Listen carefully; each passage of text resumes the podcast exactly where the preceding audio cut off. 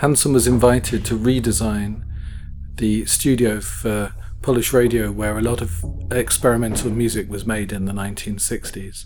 Before that, the studio had been kind of ad hoc and organized in a kind of informal way, and he brought a lot of his theories and ideas about how space could be organized to encourage creativity. And so the, the studio becomes an exceptional place because not only is it where very extraordinary music is made by major figures, but it's also a space where somehow architecture is designed to encourage this production of sound.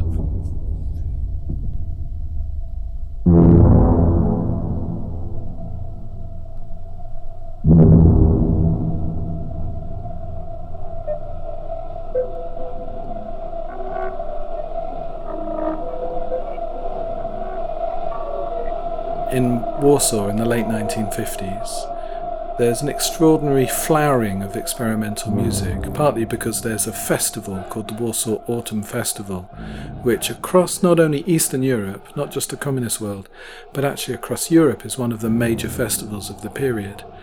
And um, in the late 50s, one of the key figures behind the festival invites Hansen to imagine a, a structure, a temporary pavilion where music could be played and he comes up with this idea of a, a kind of fabric structure that will sit by the side of the river, and that you as a visitor would be able to wander through the structure and you would walk down these fabric tunnels that we might describe as being like sleeves on a, on a garment. And then as you came towards the end of these tunnels, you, there would be a sound source playing some kind of music, a loudspeaker. And that you, as the visitor to this space, would um, effectively become like the composer because your journey would be unique and you would be sort of composing a piece of music by choosing to move in this direction or standing between two speakers. And also, you would have the sound of the environment around you, so you would maybe hear the wind in the trees nearby or, or the river that runs through the centre of Warsaw. So, this is Hansen's conception. He's not determining the music, in fact, quite the reverse. He's saying, let's create a kind of musical environment and that you will become something like a composer. And it's one of the major illustrations of a theory that he developed in 1959 called the open form theory.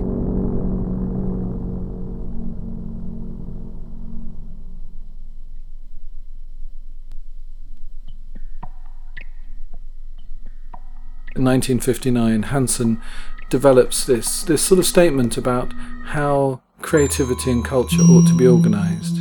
But in a way, he'd been rehearsing this theory with his designs for four or five years before this. And the core idea of the open form theory is to say that a creative artist should not resolve or fix the work. It shouldn't be limited on the day of its production. It should somehow be left open and unresolved so that anybody who uses that that building or that work of art, anybody who engages with it, has a chance to shape it and to finish it themselves in some way. And that seems like a kind of a simple idea and maybe one that's quite resonant today because we have this big interest in participatory art practices and so on. But you have to remember this is an idea that's generated in the late 1950s in a communist country, in Warsaw. And I think it's probably a symptom of its age because artists like Hansen had been pretty much compelled to act as socialist realists, so they had to be somehow representative artists for Stalinism, and that meant building neoclassical buildings, that meant producing paintings in a very realist style that function as propaganda. So that's an environment of command and control.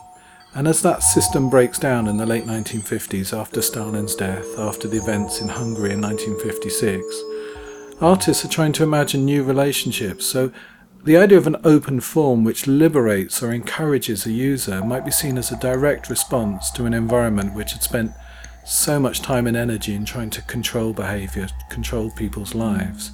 So, in that moment, I think open form is a very liberating idea.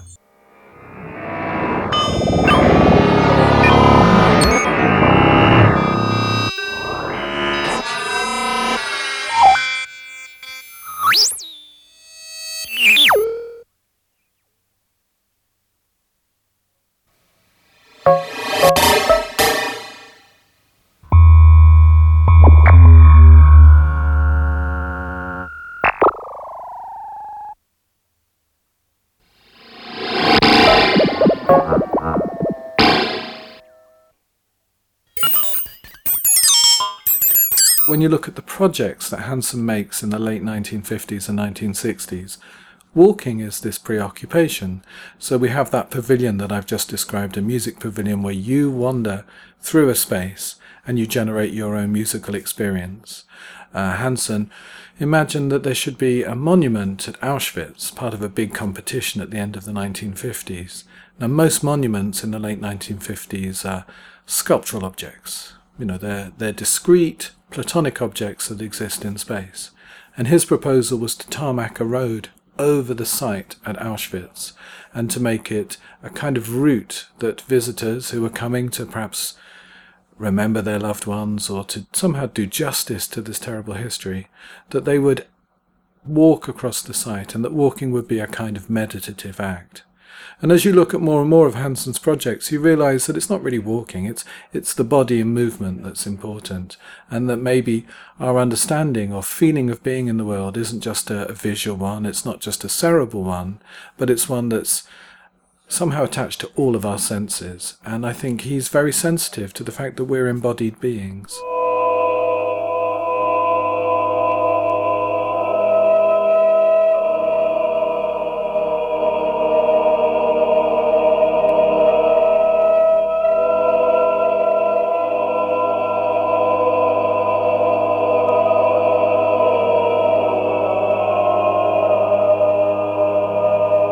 Up until the mid 1950s, socialist realism is pretty dominant in Polish culture, and so we have all of that Stalinist imagery of peasants and so on. But the breakdown happens in 1956 when a new regime takes power, and in fact, across Eastern Europe, there's a sort of a wave of dissent. So if you think about Hungary and the attempts at a kind of uprising there.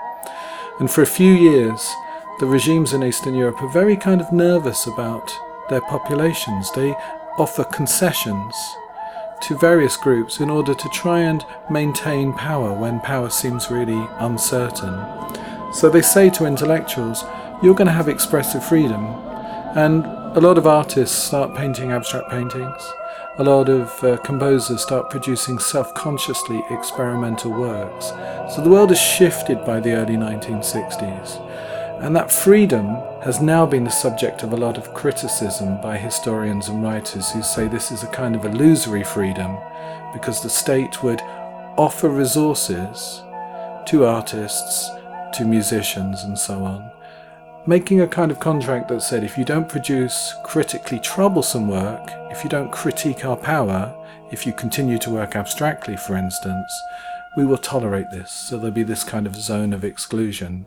So, one of the questions about the experimental studio of Polish radio is whether it's a kind of critical space or whether it's a kind of loyal space because it's not exercising this kind of critical voice that we might expect to see.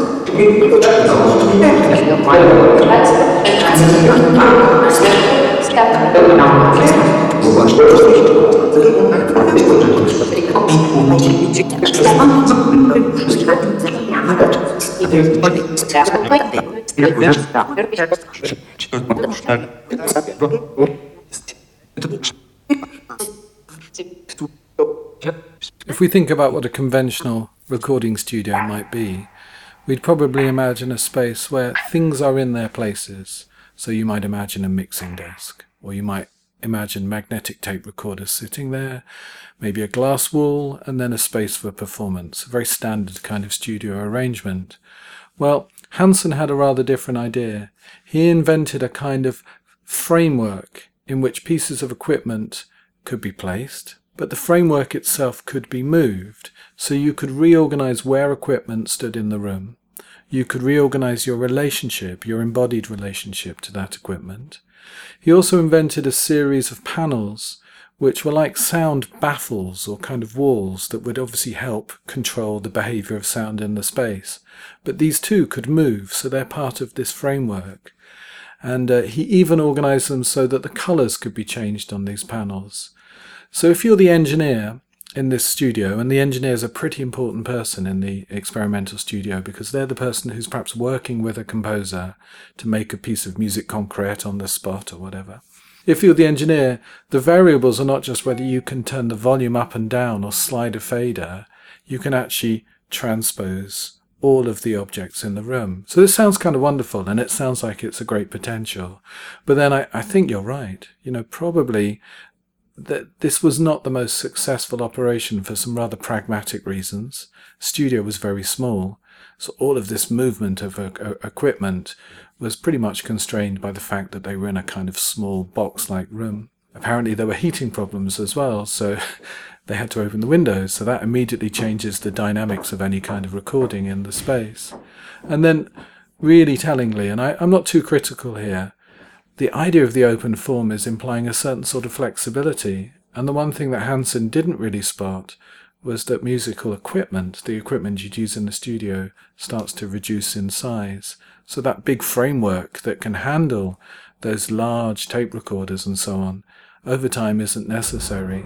So I think the studio ends up being more redundant as time goes on. And so, you know, in a practical sense, one could be critical of that.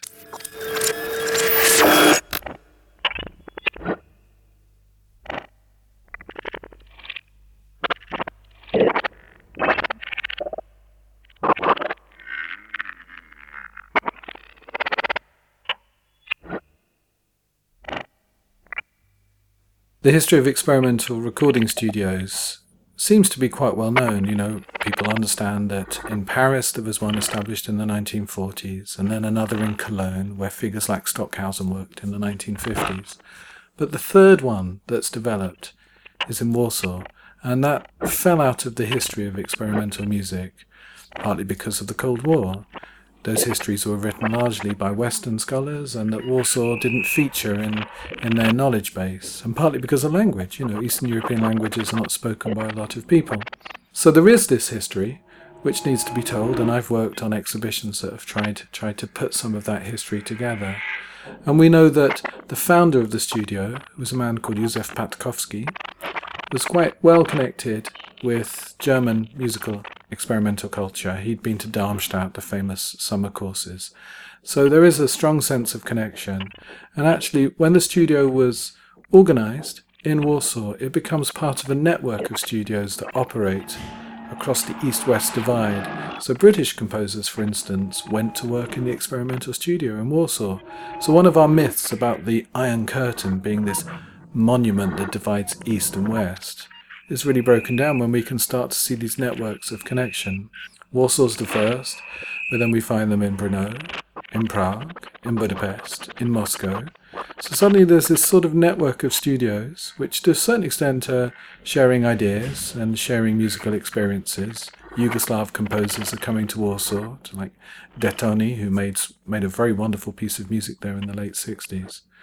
And I suppose for me the question is, these were expensive studios. They required having fairly high-tech equipment by the standards of the day.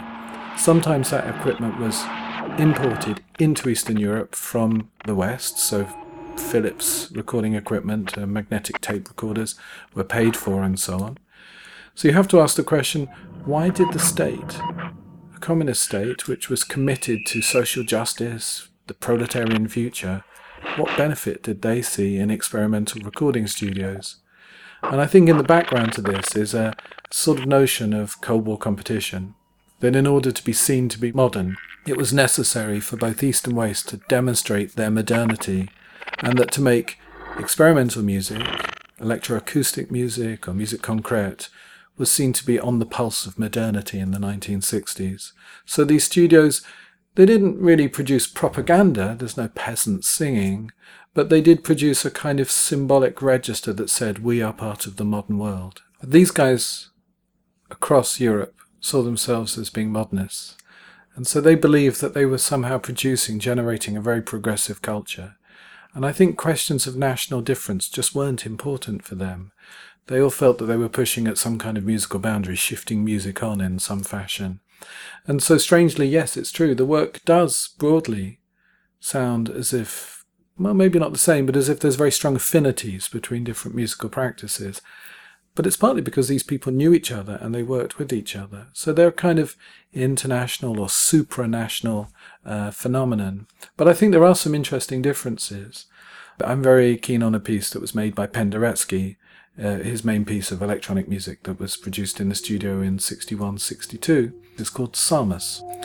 And what he did was he worked with an engineer and recorded two voices, two human voices and then using oscillators and filters stretched those voices so that they became very percussive or that they might form kind of some kind of sort of stretching cloud of sound and they layered these voices to produce a really extraordinary and, and very um, a powerful piece of music now i think we could find similar examples perhaps produced in the west at this time I mean, Penderecki is really a genius, but you know, we could find comparable things.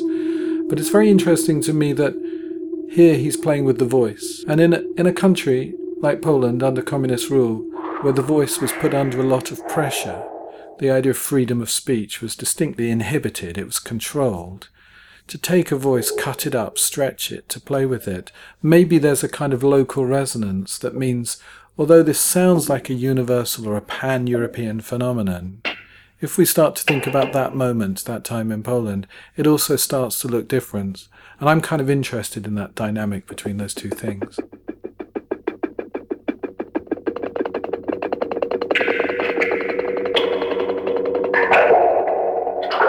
Well, a key figure, an early figure, is a guy called Włodzimierz Kotonski. And Kotonski makes really the first piece of um, music that even predates the studio in some ways. It's called Study for a single stroke of a cymbal.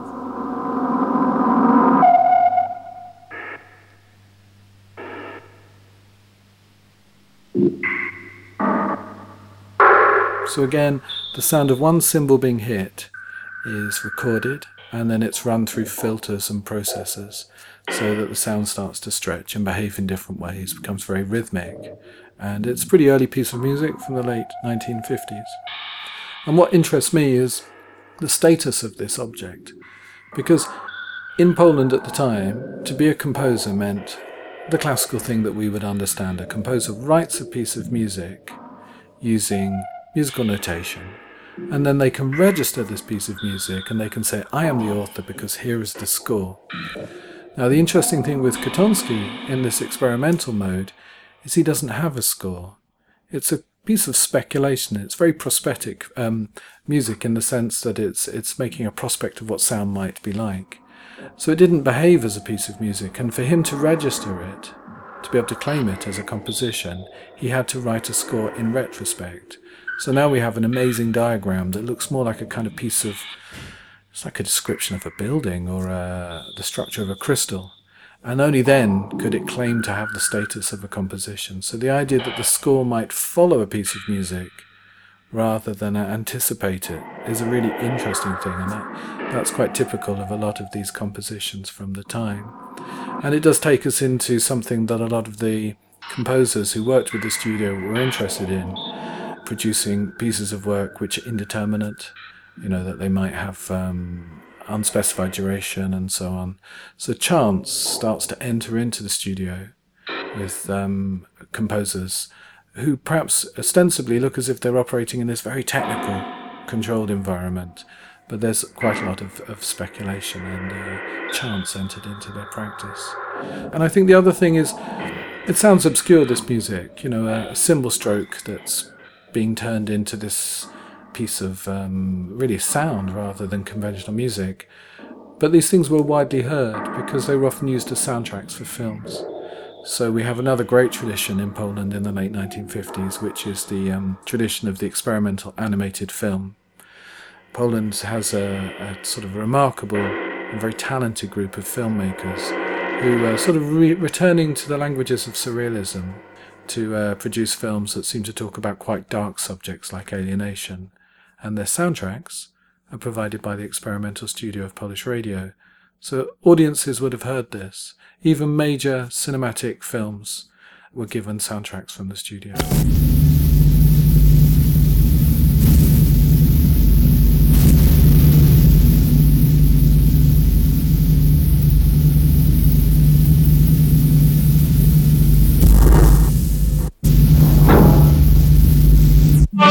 Relationship of the engineer to the composer was really crucial to the daily operations of the studio.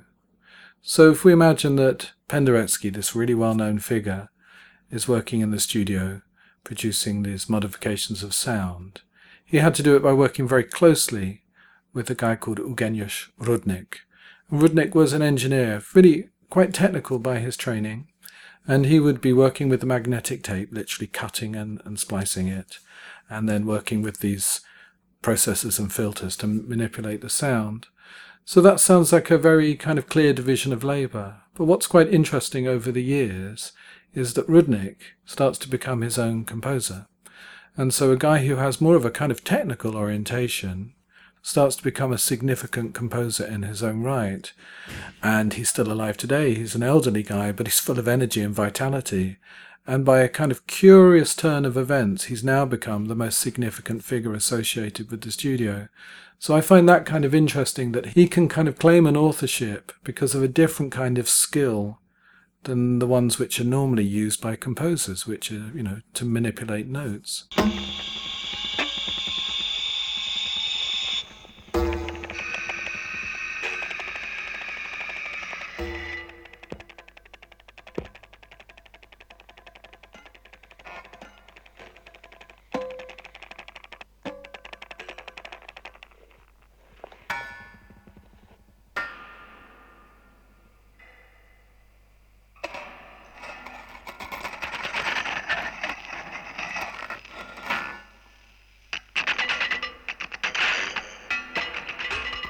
We know that chance is very much a preoccupation of the period, right? We only have to think about John Cage and so on. But this pavilion that he designed, which was never completed in the late 1950s for the Warsaw Autumn Music Festival, this wasn't completed by Hansen, but we find very similar practices a few years later being organised by other composers and artists, often working together.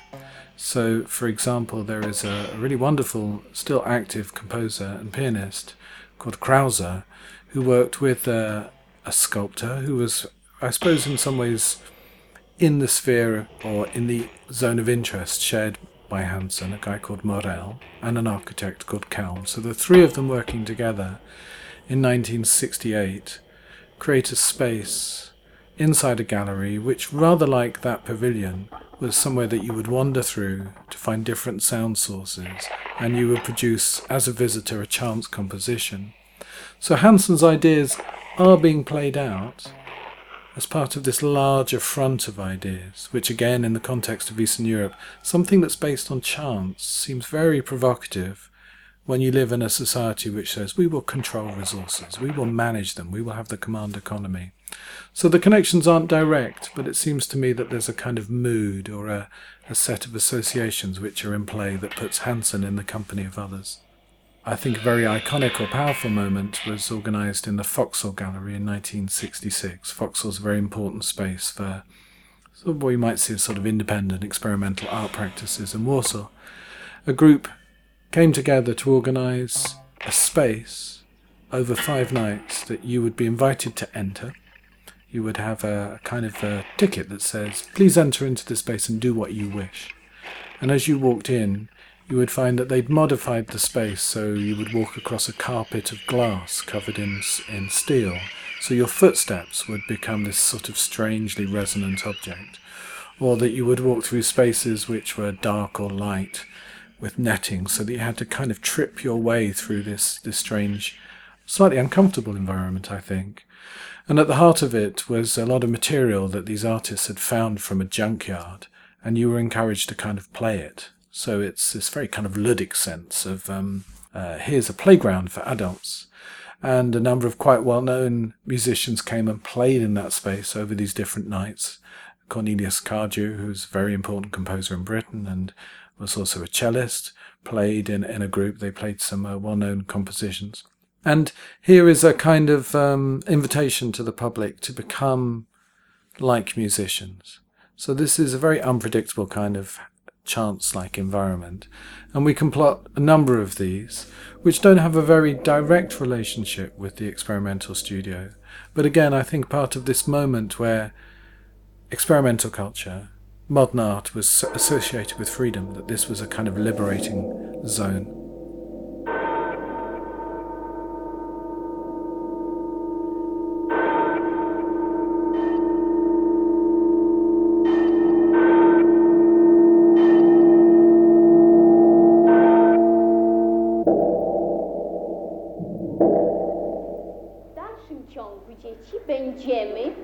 Utrwalać sobie nasze dodawanie i odejmowanie w zakresie liczb do dziesięciu. Myśmy już to dużo, długo robili, ale teraz jeszcze będziemy w dalszym ciągu to robić.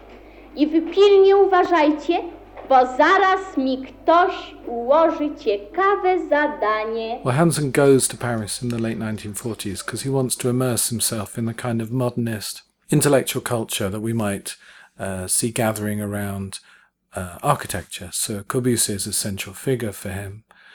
He also visits a number of congresses or meetings which have been organized by significant figures like Corbusier. These are known as CIAM congresses. But actually, Hansen belongs to a new generation, a younger generation, who attend these congresses but are actually quite critical of some of these major figures of the 20s and 30s whose careers are now being revived in the context of Reconstruction. And I think one of the accusations that they make of this generation is that their work is often too monumental or that has a kind of degree of dogmatism, that this kind of uh, white walled, flat roofed modernism of the 1920s lacked a kind of humanity that was necessary in the post war reconstruction. So we could see Hansen being I suppose an ally of figures like Alison and Peter Smithson, who were prominent young generation architects, who start to say that architecture ought to learn from the street. So, how do people associate on the street? What are the social relations which are generated on the street? And is there something that architecture should be able to deduce from the kind of living patterns that we find in the world today, rather than imposing what might be seen as better or improved models. And I think this is a post war mood because it's quite difficult to talk about improving patterns of life in that dogmatic way after the you know the tragedy of, of the of the Second World War. So Hansen's ideas of the open form probably ought to be seen in this sense of a new generation of modernists who are somehow trying to revise modernism or try to adapt it to the conditions of life, both practically and also intellectually. And probably we can hear a little distant of um, existentialism here that says, rather than laying down dogmatic ideas about how life ought to be, what we should do is is make our judgments of life as we experience it. We should take the world as found.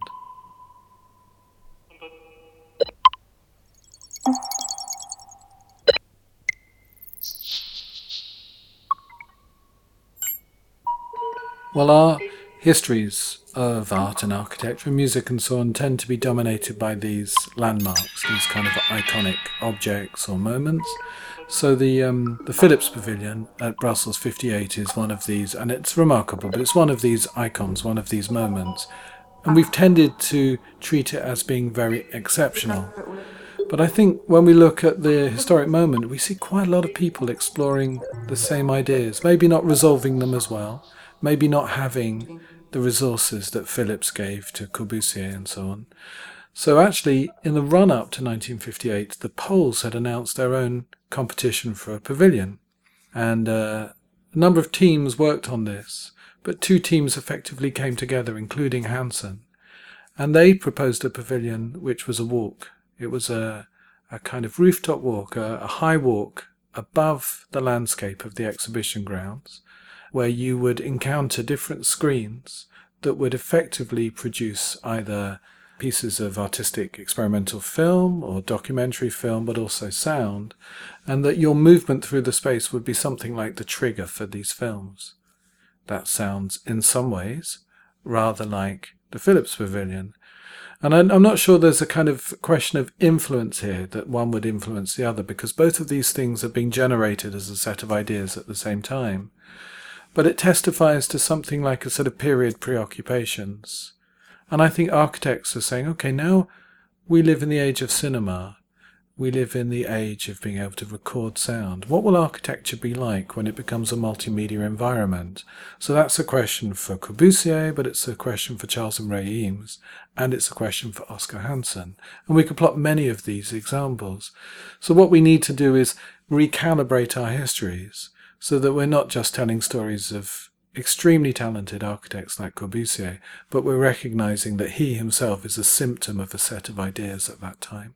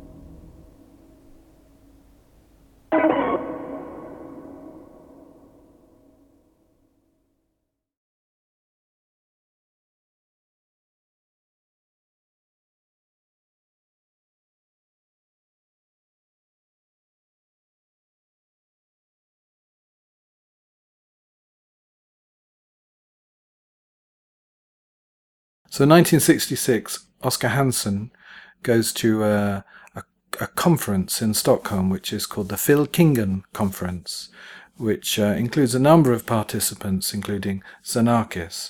And we have his notes that he took on the day to describe what it was like when he heard a piece of music. And it's a vivid description of the architect here, not as a designer, but as a listener.